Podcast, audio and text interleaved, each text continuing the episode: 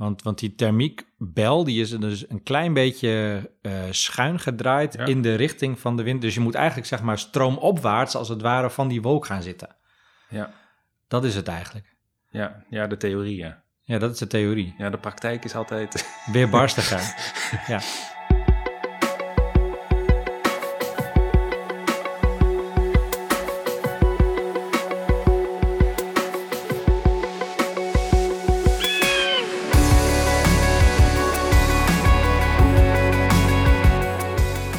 Hallo, leuk dat je luistert naar Vliegpraat, de podcast waar het alleen maar gaat over paragliden en alles wat daarbij komt kijken. En dat is dus ook het weer. Mijn naam is Harro Brouwer en deze aflevering over meteorologie is er ook eentje in de categorie nee heb je en ja kun je krijgen. Ik wilde namelijk heel graag een spreker die niet alleen inhoudelijk wel iets weet van hoe het weer werkt, maar dat ook nog een beetje luchtig, toepasselijk woord, kan vertellen. En toen dacht ik, laat ik eens contact leggen met Peter Kuipers-Munneke. Nou, wat leuk. Ja, want Peter, we kennen jou natuurlijk allemaal als één van de weermannen van de NOS. Sinds 2013? Dat klopt, ja. Eh, in april 2013 was ik voor het eerst op tv met een weerbericht. Maar daarnaast ben je ook verbonden aan de Universiteit Utrecht. Ja, Als klimaat- en poolwetenschapper en doe je onderzoek naar onder andere gletsjers en Ja. ijs. eh, vooral ijskappen van eh, Groenland en Antarctica en hoe die veranderen onder invloed van de opwarming van de aarde. En jij presenteert ook zelf een podcast, De Weerman. Jazeker, die is toe aan zijn derde seizoen inmiddels. Ja, en ik kan hem ook zeker aanraden. Dus ik dacht, drie vliegen in één klap en nu zitten we hier. Leuk, ik heb er enorm veel zin in. Ja, want Peter, wat heb jij met luchtsporten? Nou, niks.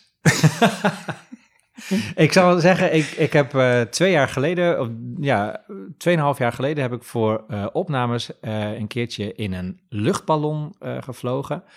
En dat vond ik echt zo fantastisch. Ehm, dat smaakte bijna naar meer. Dus ik zou echt nog wel eens een keertje in een luchtballon willen, willen, willen vliegen. Ik zou ook eigenlijk stiekem wel eens willen paragliden. Dat lijkt me eigenlijk ook wel heel erg leuk. Uh, maar ik, ik heb er in zoverre niks mee dat ik, ik be, bedrijf geen actieve luchtsporten. Oké, okay, nou dat komt mooi uit, want wij gaan het gewoon hebben over meteorologie en daar weet jij wel heel veel van. Um, je hebt wel eens, neem ik aan, een paraglider door de lucht zien zweven, toch? Je weet wel over welk vliegtoestel we het hebben. Ja, ja, zeker. Een zitje met een grote scherm erboven. Ja. ja. en hier in Nederland of in de bergen?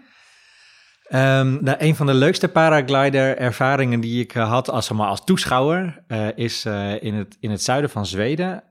daar heb je een paar stukken van de zuidkust van Zweden. Dat zijn best wel steile kliffen aan zee. en dat is echt bij de goede wind, dus uit het zuiden, zuidwesten, westen, is dat een hele bekende paragliderplek. Omdat de wind tegen die kliffen op wordt gestuwd en dan gedwongen wordt omhoog te gaan. En ja, bij de juiste omstandigheden krijg je daar zoveel uh, lift, zeg maar, met je, met je scherm. Uh, dat je daar dus echt pal langs die kliffen kan scheren. En dat, dat zijn dan meestal, uh, nou toen wij daar waren, waren er denk ik een stuk of 10, 12 of zo. Ja, en dat, dat was echt heel spectaculair om te zien. Um, ja, normaal gesproken begin ik de podcast met vijf vragen voor mijn gesprekspartner. En die mag dan daar antwoord op geven. En ze gaan allemaal over paragliding. Mm -hmm. Dus voor jou heb ik vijf andere introductievragen bedacht. Oké, okay. nou kom maar op. Wat is volgens jou het meest bijzondere natuurfenomeen? Oh, wauw. Uh, jeetje, dat is een ingewikkelde vraag. Nou, wat, waar ik eigenlijk nog steeds, zelfs als ik meteoroloog ben, eigenlijk met mijn, met mijn hoofd nog steeds niet bij kan, dat is, uh, dat is bliksem hoe dat ontstaat. Uh, dus H2O-moleculen van water, die kunnen heel makkelijk geladen worden. Want de ene kant van een H2O-molecuul is plus en de andere kant is min. En dat betekent dat plusjes en minnetjes door die wrijving van die verschillende stijg- en daalstromen uh, boven en onder in die wolk komen te zitten. Dus de onderkant van de wolk kan negatief geladen worden en de bovenkant positief. Of andersom, dat kan allebei. En dan uh, ja, op een gegeven moment wordt dat spanningsverschil zo groot dat het of binnen in de wolk uh, wordt opgelost. Dus dan heb je bliksem binnen een wolk. Uh, of dat de spanning, het spanningsverschil wordt opgelost door een ontlading naar de grond toe. En ja, dat gaat gewoon om honderdduizenden volts. Dus dat is echt krankzinnig dat door zo'n natuurlijk proces er zoveel elektriciteit kan ontstaan dat je, ja, dat je bliksem krijgt. Wat geeft jou de meeste voldoening? IJsonderzoek op een gletsjer of 4 miljoen kijkers bij het 8 uur journaal? Wow, wauw. Dat is moeilijk zeg. Ehm, ja, ik, ik ga hier voor het flauwe antwoord, eh, allebei. Ja. Dus het is Ja. het onderzoeken aan de ene kant en het beide. vertellen aan de Ja, andere kant. Maar helaas, mag niet Peter, je moet toch kiezen. Jeetje, wat ben jij streng. nou, dan, ehm, ja, dan, ehm, jeetje, nou, dan, dan ga ik toch voor het onderzoek doen. Oké, en dan ga ik het misschien makkelijker of moeilijker maken bij vraag 3. het onderzoek of een herfstavond relaxen met je favoriete jazzmuziek? Oh, dan eh, ga ik een herfstavond relaxen met mijn favoriete jazzmuziek. Dat staat boven alles. Ja, zeker. Er is een leven naast het werken. Wat is jouw lievelingswolk? Mijn lievelingswolk. Ehm, ja, dat, is, eh, dat vind jij als paraglider geen leuke antwoord, maar ik hou heel erg van eh cirrusbewolking, dus hele hoge bewolking, omdat je daar vaak mooie optische verschijnselen in kan zien, zoals eh, bijzonnen en halo's. En waarom vind ik dat als paraglider geen leuk antwoord? Nou ja, omdat meestal als je cirrus ziet, dan dat ligt er een klein beetje aan, aan, wat er precies aan de grond gebeurt. Maar dat zijn vaak niet de omstandigheden waarop je de grootste thermiek hebt. Eh, wat is je favoriete seizoen? Vraag 5. Daar heb ik eh, toevallig eh, laatst over nagedacht, wat dat nou eigenlijk is. En ik ga denk ik toch voor de herfst. Daar heb ik ook wel een verklaring voor wa- waarvoor dat zo is. Omdat je de temperaturen nog heel aangenaam zijn. eh, maar het wel, zeg maar, de dagen zoveel korter worden... dat de leukste verschijnselen in de atmosfeer... dat je die ehm, eh, kan zien gebeuren eh, terwijl je wakker bent. Dus de zonsopkomst en de zonsondergang. En ook het spel tussen zonlicht, eh, mist... eh, dus eigenlijk zie je de hele atmosfeer ehm, goed aan het werk in de uren dat je wakker bent. Dus van het, de- de atmosfeer bestaat eigenlijk uit eh, beweging, uit verticale opbouw van de atmosfeer en uit eh, een hydrologische cyclus. Dus eh, verdamping, wolkenvormingen, condensatie en neerslag. En al die processen die zij- zie je eigenlijk in de, in de herfst het beste gebeuren. De herfst. Goed. Ja, Peter, het weer. Waar zullen we eens beginnen? Want het is een ongelooflijk divers onderwerp. Ja, zeg jij maar. Gelukkig proberen we in deze podcast ons te beperken tot een eh, praktisch verhaal voor paragliderpiloten.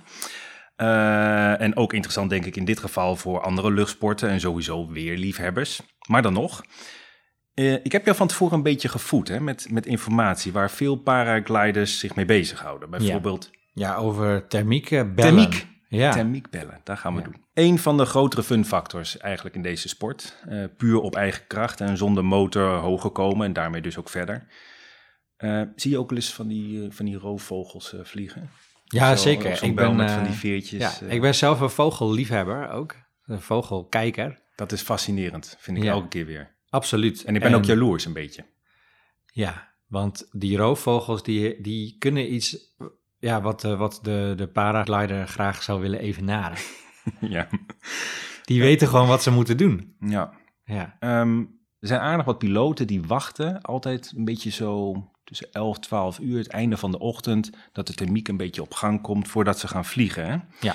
Ehm, mijn vraag is, is dat terecht om pas aan het eind van de ochtend op zoek te gaan naar thermiek? Of zou je dat bijvoorbeeld ook al in de bergen eh, veel eerder kunnen verwachten op bijvoorbeeld oosthellingen? Ik denk dat je in bergachtig gebied ehm, eerder naar thermiek op zoek kan gaan dan in, in het laagland. Want in het laagland ben je, zoals in Nederland, zullen we maar even ons daartoe beperken. En dan, dan, ehm, dan moet die stijging die moet komen echt puur vanwege het feit dat de onderste luchtlagen door de zon, en dus eigenlijk ook door het aardoppervlak wat opgewarmd wordt door de zon, eh, dat aardoppervlak warmt dan de onderste luchtlagen op. En daardoor ontstaat op een gegeven moment een laag met lucht die warmer is dan de lucht die daar direct boven zit. En dat is, eh, die gaat op een gegeven moment opstijgen, omdat warme lucht eh, minder grote dichtheid heeft dan koude lucht. En dan ontstaat er dus thermiek ja, eh, geheel spontaan, zonder dat je daarbij bijvoorbeeld een helling nodig hebt. En ehm, kijk, eigenlijk, zeker in het voorjaar en in de zomer is dat zo, dat door heel goed naar de atmosfeer te kijken, ehm, zie je eigenlijk ook die, die verticale bewegingen in de atmosfeer op een gegeven moment tot, eh, eh, tot op gang komen. Dus een dag begint helder met een blauwe lucht. En op een gegeven moment zie je de allereerste cumuluswolkjes ontstaan. Hele kleintjes vaak. Uh, hele kleintjes. En die worden dan groter. En helemaal aan het einde van de dag, dan verdwijnen ze ook weer. Dus als weerman op tv zeg ik dan ook van de bewolking zal vanavond oplossen. En uh, dat komt, heeft puur te maken met het vrij plotseling stoppen van die verticale uitwisseling in de onderste lagen van de atmosfeer.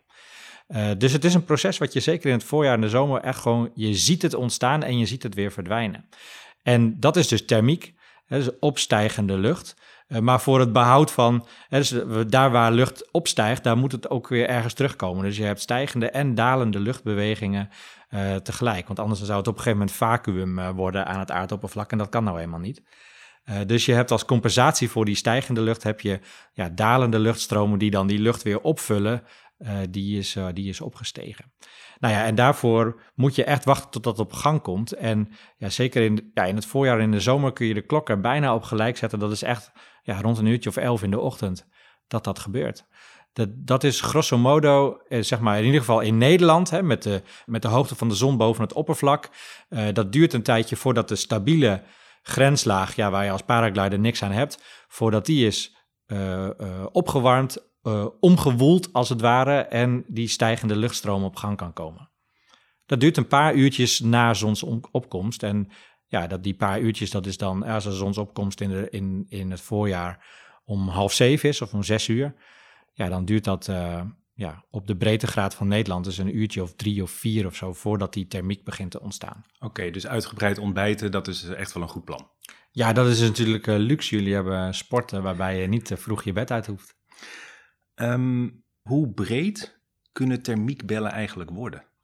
Dat weet ik zelf eigenlijk ook niet. Nee, ik, nou, ik denk wel dat thermiekbellen groter uh, kunnen zijn als ze een uh, goede interactie hebben met bijvoorbeeld het landschap. Dus zeker in heuvelachtig landschap of in bergachtig landschap, denk ik dat de situatie wel zo kan zijn dat een. Uh, kijk, in het laagland ben je altijd uh, afhankelijk ook weer van dat. Heb je dus ook altijd dalende luchtbewegingen naast een stijgende luchtbeweging. Maar zeker in berggebieden, daar kan je bij een helling uh, een vrij constante stijgstroom hebben, omdat de lucht vanuit het dal wordt aangevoerd en zo het dal in wordt geblazen. Een soort anabatische wind, zoals je dat noemt eigenlijk. Hè? Dat, de, dat, de, dat de lucht als het ware langs het, de, de helling van een dal uh, langzaam omhoog stroomt door, ja, onder invloed van zijn eigen opwarming. Nou, kijk, het is natuurlijk zo. Kijk, thermiek uh, is natuurlijk heel nauw verwant aan turbulentie. En Kijk, je hebt natuurlijk als paraglider een niet al te wilde atmosfeer nodig. Hè? Dus het mag niet, uh, je moet geen windkracht 7 hebben. Uh, want dan wordt die, die, die onderste lagen van de atmosfeer, die worden als het ware te veel omgewoeld. Dus dan, dan, dan verdwijnt die thermiek eigenlijk een beetje ten koste van... De, hè, eigenlijk worden dan die, die, die, die, die opbouw van de, van de atmosfeer, die wordt zozeer verstoord... dat je eigenlijk dat dat, dat, dat eigenlijk helemaal kapot geploegd wordt, zeg ja, maar. Verwaaide bellen noemen we dat. Ja, precies. Dus die bellen die moeten kunnen ontstaan uh, vrij rustig. En dan kan ik me dus wel voorstellen dat daar een bepaalde tijdschaal bij hoort, waarop een bel op een gegeven moment ontstaat, loslaat en dat weer um, vervangen wordt door een volgende bel. Waar, ik de, waar je denk ik heel mooi mee kan vergelijken, dat zijn van die lavalampen, weet je wel. Uh, um, eigenlijk in, in essentie is dat hetzelfde, want het, het zijn twee vloeistoffen die in zo'n lavalamp zitten, een witte vloeistof en bijvoorbeeld een, gekleurde vloeistof. En, en de essentie daarvan is dat je, je doet de stekker erin en dan zit er aan de onderkant van zo'n lavalamp zit een klein hitteplaatje. En dat hitteplaatje is eigenlijk de precieze metafoor of de analogie voor het aardoppervlak dat opgewarmd wordt door de zon. En uh, bij zo'n lavalamp zie je dus ook op vrij regelmatige basis een blopje gekleurde uh, spul omhoog komen. Ja. Dus daar zit een bepaald ritme in. En dat ja. heeft denk ik ook puur te maken. Dit, dit, kijk, ik heb hier nog nooit uh, een studie naar gedaan. Maar wat ik me erbij kan voorstellen, is um, dat je een bepaald volume aan lucht moet verzamelen, als het ware, in zo'n bel, voordat die kan gaan opstijgen. En dan over die opstijgsnelheid van de bel, hè? Ja. Uh... Met een meteorologische term noem je noem je het buoyancy in het Engels. Dus dat is eigenlijk de, de drijfbaarheid. Laten we maar even zo noemen. Dat drijfvermogen van zo'n thermiekbel uh, of van een bellucht die eigenlijk lichter is dan zijn omgeving, dus de neiging heeft om op te stijgen, ja. Ehm, die is groter naarmate uh, het temperatuurverschil uh, van die bel met zijn omgeving groter is. Dus dat is eigenlijk net hetzelfde als met een, met een luchtballon. Hè? Als je het vuur aanzet of de brander aanzet in een luchtballon, dan warm je daarmee de lucht op uh, in de luchtballon. En hoe warmer die lucht is ten opzichte van zijn omgeving, hoe groter de stijgsnelheid. En zo werkt het dus ook met thermiek. Dus thermiek kan vooral heel krachtig zijn. Uh, bijvoorbeeld uh, op momenten dat, dat het echt warm is.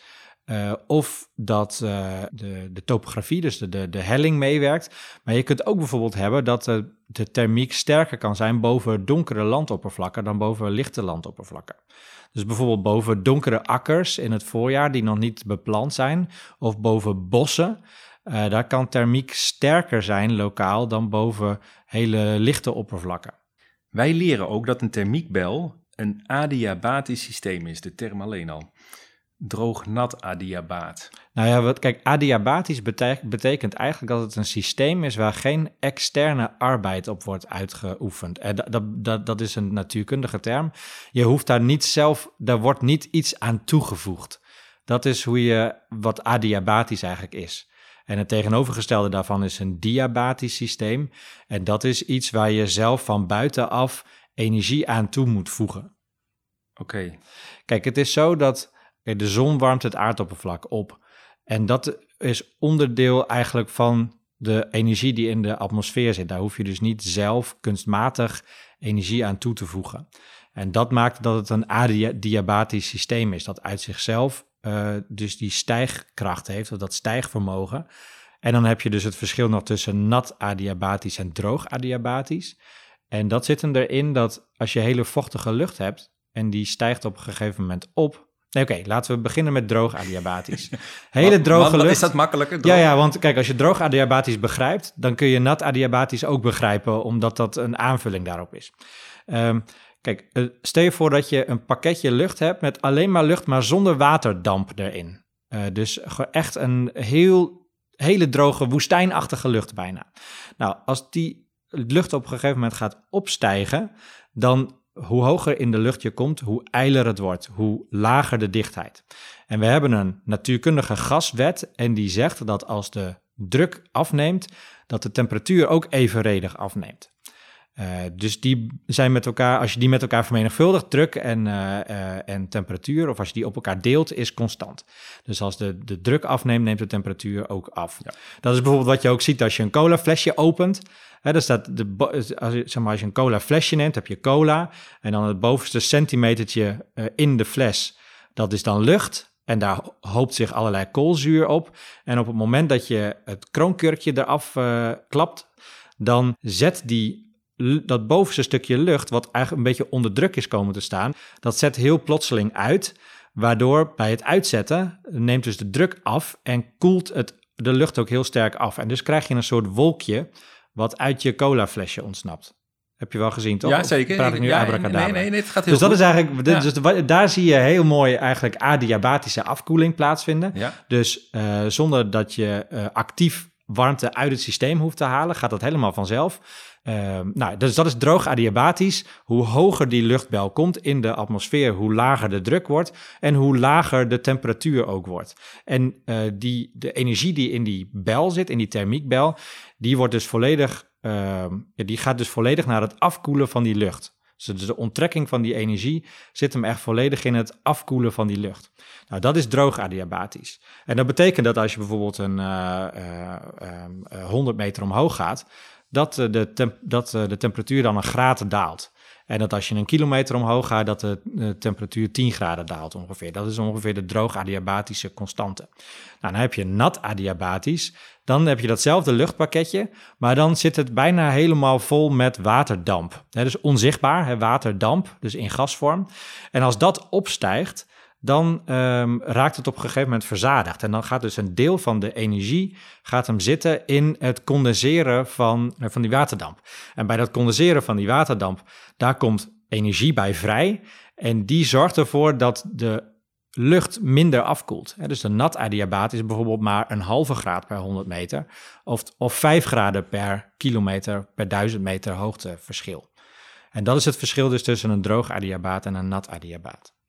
En, en het verschil daartussen is dus dat in het ene geval uh, is het energieverlies omdat je omhoog gaat, zit hem volledig in afkoeling van uh, de lucht. En in het andere geval zit een deel in de afkoeling van de lucht en een deel uh, in het condenseren van vocht. En in welke stijg je nu het snelste? Je stijgt, ehm, nou, het is meer. Um, valt er niet te zeggen? Nee, ja, er valt zeker wel wat over te zeggen, maar dan moet ik moet nu even de vertaalslag maken naar, uh, naar de paragliderswereld. ja, um, um, ja, jeetje, dat is een goede vraag. Ik heb het idee dat thermiek in uh, vochtige lucht uh, langer door kan gaan, omdat een thermiekbel stijgt tot het niveau waarop de temperatuur in de thermiekbel net zo laag is geworden, als het ware, als zijn omgeving. Dat is een beetje de hoogte waarop de thermiekbel stopt. En bij het stijgen in een nat adiabaat, dus vrij vochtige lucht, is die afkoeling langzamer. Dus dat betekent dat je in, in principe uh, langer door zou kunnen stijgen tot een grotere hoogte, voordat je op een plek komt waar de thermiek ophoudt. En dat klinkt heel logisch. Toch wel? Ja. Is het jouw ervaring ook? Mijn ervaring is als je gewoon een dikke, vette cumulus hebt. Ja, geen CB, maar een, een, een, fijne cumulus. Platte onderkant. Nou ja, kijk, de platte onderkant van die wolk, uh, dat is dus eigenlijk het niveau, het, het, de hoogte, waarop op een gegeven moment die uh, verzadiging in zo'n natte, term, zeg maar, vochtige thermiekbel uh, de 100% bereikt en er dus condensatie gaat optreden. En dan krijg je die mooie wolk. En dan krijg je dus die mooie wolk vanaf die hoogte. Ja. Dus daaronder um, is de, de temperatuurgradient is al bijna nat adiabatisch, omdat, je, omdat het bijna verzadigd is. Dus in de, in de omgeving van de onderkant van een cumuluswolk, daar uh, gaat het ter, heeft de thermiek dus de kans om langer door te gaan. Ja. Kijk, wij vragen ons altijd af, oké, okay, waar zit die thermiekbel? En dan zie je zo'n mooie cumuluswolk. En waar zou je dan moeten vliegen? Moet je dan, stel we hebben oostenwind. De wind komt uit het oosten, gaat naar het westen. Het is een mooie dag, zonnige dag. Um, nou, laten we zeggen drie Beaufort. En die wolken die drijven zo voorbij. Je moet dus eigenlijk dan, uh, als de wind uit het oosten komt, moet je dus eigenlijk ten oosten van die wolk moet je dan uh, zitten. Ja. Want, want die thermiekbel, die is dus een klein beetje uh, schuin gedraaid ja. in de richting van de wind. Dus je moet eigenlijk zeg maar stroomopwaarts als het ware van die wolk gaan zitten. Ja. Dat is het eigenlijk. Ja, ja de theorie, ja. Ja, dat is de theorie. Ja, de praktijk is altijd... Weer barstiger. ja.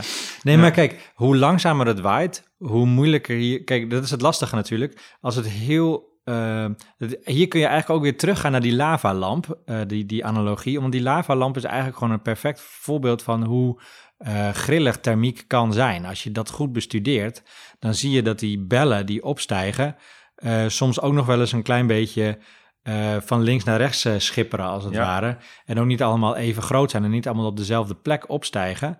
En um, kijk, als het vrij hard waait, dan uh, worden die, die bellen die worden als het ware een beetje ja, kapot getrokken of uit elkaar getrokken. En, en dat verwaait op een gegeven moment. En als het heel zacht, dus dan is het, dan is het moeilijk hè, om de goede plek van de thermiekbel te bepalen. Als het bijna windstil is, of vrijwel helemaal windstil, dan is het eigenlijk ook heel moeilijk, omdat uh, de, het, tijdens het opstijgen kan die bel een beetje uh, wieberen van links naar rechts, als het ware. Snap je wat ik bedoel? Ja, ik snap het. Ik snap het. Uh, en dat betekent dat, dat recht onder de cumuluswolk niet altijd een hele goede... is niet een hele goede plaatsbepaling altijd van, de, ja. van waar zo'n thermiekbel precies zit. En bovendien, stel het zou windstil zijn, hoe moet dan die lucht uh, die warme lucht aan de onderkant worden losgewoeld zonder wind. Ja, nou dat zijn, er zijn natuurlijk een paar, ja zeg maar, soort triggers zou je kunnen zeggen, als het ware voor het loslaten van een thermiekbel. En wind is daar één van. Ja. Maar het kan ook helling zijn, of bijvoorbeeld het, uh, de grens tussen een water- en een landoppervlak, dat is bij een oever of zo. En het kan ook een donkerder oppervlak zijn uh, in een omgeving met verder een wat lichter oppervlak. Dus bijvoorbeeld een, een stuk bos tussen de weilanden. Uh, dus er zijn verschillende triggermogelijkheden voor een thermiekbel om uiteindelijk los te raken van de grond. En ik ben met je eens dat zonder wind het wel, een wel lastiger wordt. Maar het, kan, het zou in principe kunnen. Maar het ideale geval is als je een beetje wind hebt, maar niet te veel. Hey, dan zie je soms dus ook zo'n mooie platte lijn wolken in de lucht. Een inversie, wat is dat ook alweer, een inversie? Een inversie is eigenlijk een, een, een omdraaiing van de temperatuurgradient. Dus uh, bijvoorbeeld onder een inversie heb je dat hoe hoger je komt, hoe warmer het wordt. En dan boven de inversie krijg je de situatie waarin hoe hoger je komt, hoe kouder het wordt. En een inversie leidt per definitie, je moet mij verbeteren als het niet zo is hoor, tot stabiele lucht, nietwaar? Ja, dat klopt. En als je lekker in je thermiekbelletje zit en je schroeft tegen de inversie aan, dan, dan is het dus uit met de stijgende Nou ja, dat is dus wel op een gegeven moment is dat de plek waar uh, dus de thermiek uh, langzaam ophoudt. Je hebt dus tegenwoordig apps hè, waarin de verwachte thermiek ook staat vermeld. Super handig, maar goed, je kan hem nog steeds niet zien in de lucht. Uh, en op teletextpagina 707, KNMI Informatie voor de Luchtvaart, daar staat globaal ook iets over thermiek. Um, en ook over de thermiekverwachting, bijvoorbeeld matige of krachtige thermiek staat daar. En ik vroeg me af, wat is matige en wat is krachtige thermiek op die 707 teletextpagina? Ik zou je heel eerlijk zeggen dat ik niet precies weet. Dat, dat suggereert natuurlijk dat er een bepaalde grootheid is. Ja, zeker. Ja. Uh, die je kan uitdrukken in een getal. Ja. En dan tot zus en zoveel is het matig en daarboven is het krachtig en daarna Ja. is het... Ja, ik vermoed, ik vermoed eerlijk gezegd dat die maat is afgeleid uh, uit de verticale temperatuuropbouw van de atmosfeer. Dus uh, je kijkt bijvoorbeeld naar de temperatuur op, uh, het, aan het aardoppervlak. En de, de, temperatuur op 850 hectopascal, dat, dat is, dat is een, het drukniveau wat we meteorologen vaak gebruiken. Nou, dat is ongeveer op 1500 meter hoogte. En ehm, laat ik zo zeggen, als de, de atmosfeer heel neutraal is, dan um, daalt de luchttemperatuur met uh, een aantal graden tussen zeeniveau en 1500 meter hoogte. Mhm. Maar als er thermiek ontstaat, dat, dat gebeurt eigenlijk op het moment dat er een soort surplus aan energie ontstaat aan het aardoppervlak. Dus dat de lucht eigenlijk warmer is uh, dan wat je zou mogen verwachten op basis van het drukverschil tussen uh, 0 en 1500 meter. Ja. En vanaf dat moment krijg je dus thermiek. En, en hoe sterker die opwarming is, da, uh, hoe sterker die thermiek ook is. En daar wordt dan een, een naam aan gegeven, matige Ja. of krachtige thermiek. Ja, precies. Fascinerend hè, dat weer. Altijd maar weer. Ja, ja, geweldig. Ja. Ga je een keer meevliegen, Peter, aan een grote tandem paraglider? Ja, dat lijkt me echt geweldig om dat een keer te doen. Nou, ga ik dat regelen. Dat vind ik leuk. Ehm, ja, voor nu zit de tijd erop. Er valt nog veel meer te vertellen over het weer. Kom je nog een keer terug in Vliegpraat? Ik wil best een keer terugkomen. Ja hoor. Oké, Het nou, is me goed bevallen tot nu toe. Oké, hartstikke fijn. Dankjewel voor nu. Tot slot nog een disclaimer. Alles wat ik deze aflevering met Peter heb besproken heeft weliswaar raakvlakken met de verplichte lesstof voor je paragliding brevet. Maar dit is een informatieve podcast, geen opleiding, dus leer vooral ook de door je vliegschool aangereikte lesstof. Tot zover dus deze aflevering van Paragliding Vliegpraat over meteorologie. Wordt dus vervolgd met NOS-weerman en wetenschapper Peter Kuipers-Munneke. Hopelijk vond je het een toffe en interessante aflevering. Laat dat alsjeblieft weten. Duimpje omhoog via je favoriete podcast-app. Positieve recensies helpen de podcast beter vindbaar te maken. Tja, zo werken die algoritmes nou eenmaal. En heb je vragen of tips? Wie of welk onderwerp wil jij graag horen in deze podcast? Mail mij harro@hebmb.nl. Vertel je vrienden en andere piloten over deze podcast en vergeet je niet te abonneren, dan hoef je nooit een aflevering te missen. Tot slot, luister je graag naar Paragliding Vliegpraat? Overweeg dan een vrijwillige donatie voor deze podcast, die ik ook vrijwillig maak. Met jouw steun kan ik Vliegpraat blijven maken. Een link vind je in de beschrijving. petje.af schuine streep paragliding vliegpraat. Dat platform is bedoeld om contentmakers zoals ik op een eenvoudige manier te ondersteunen. Ik wens je mooie vluchten en tot de volgende!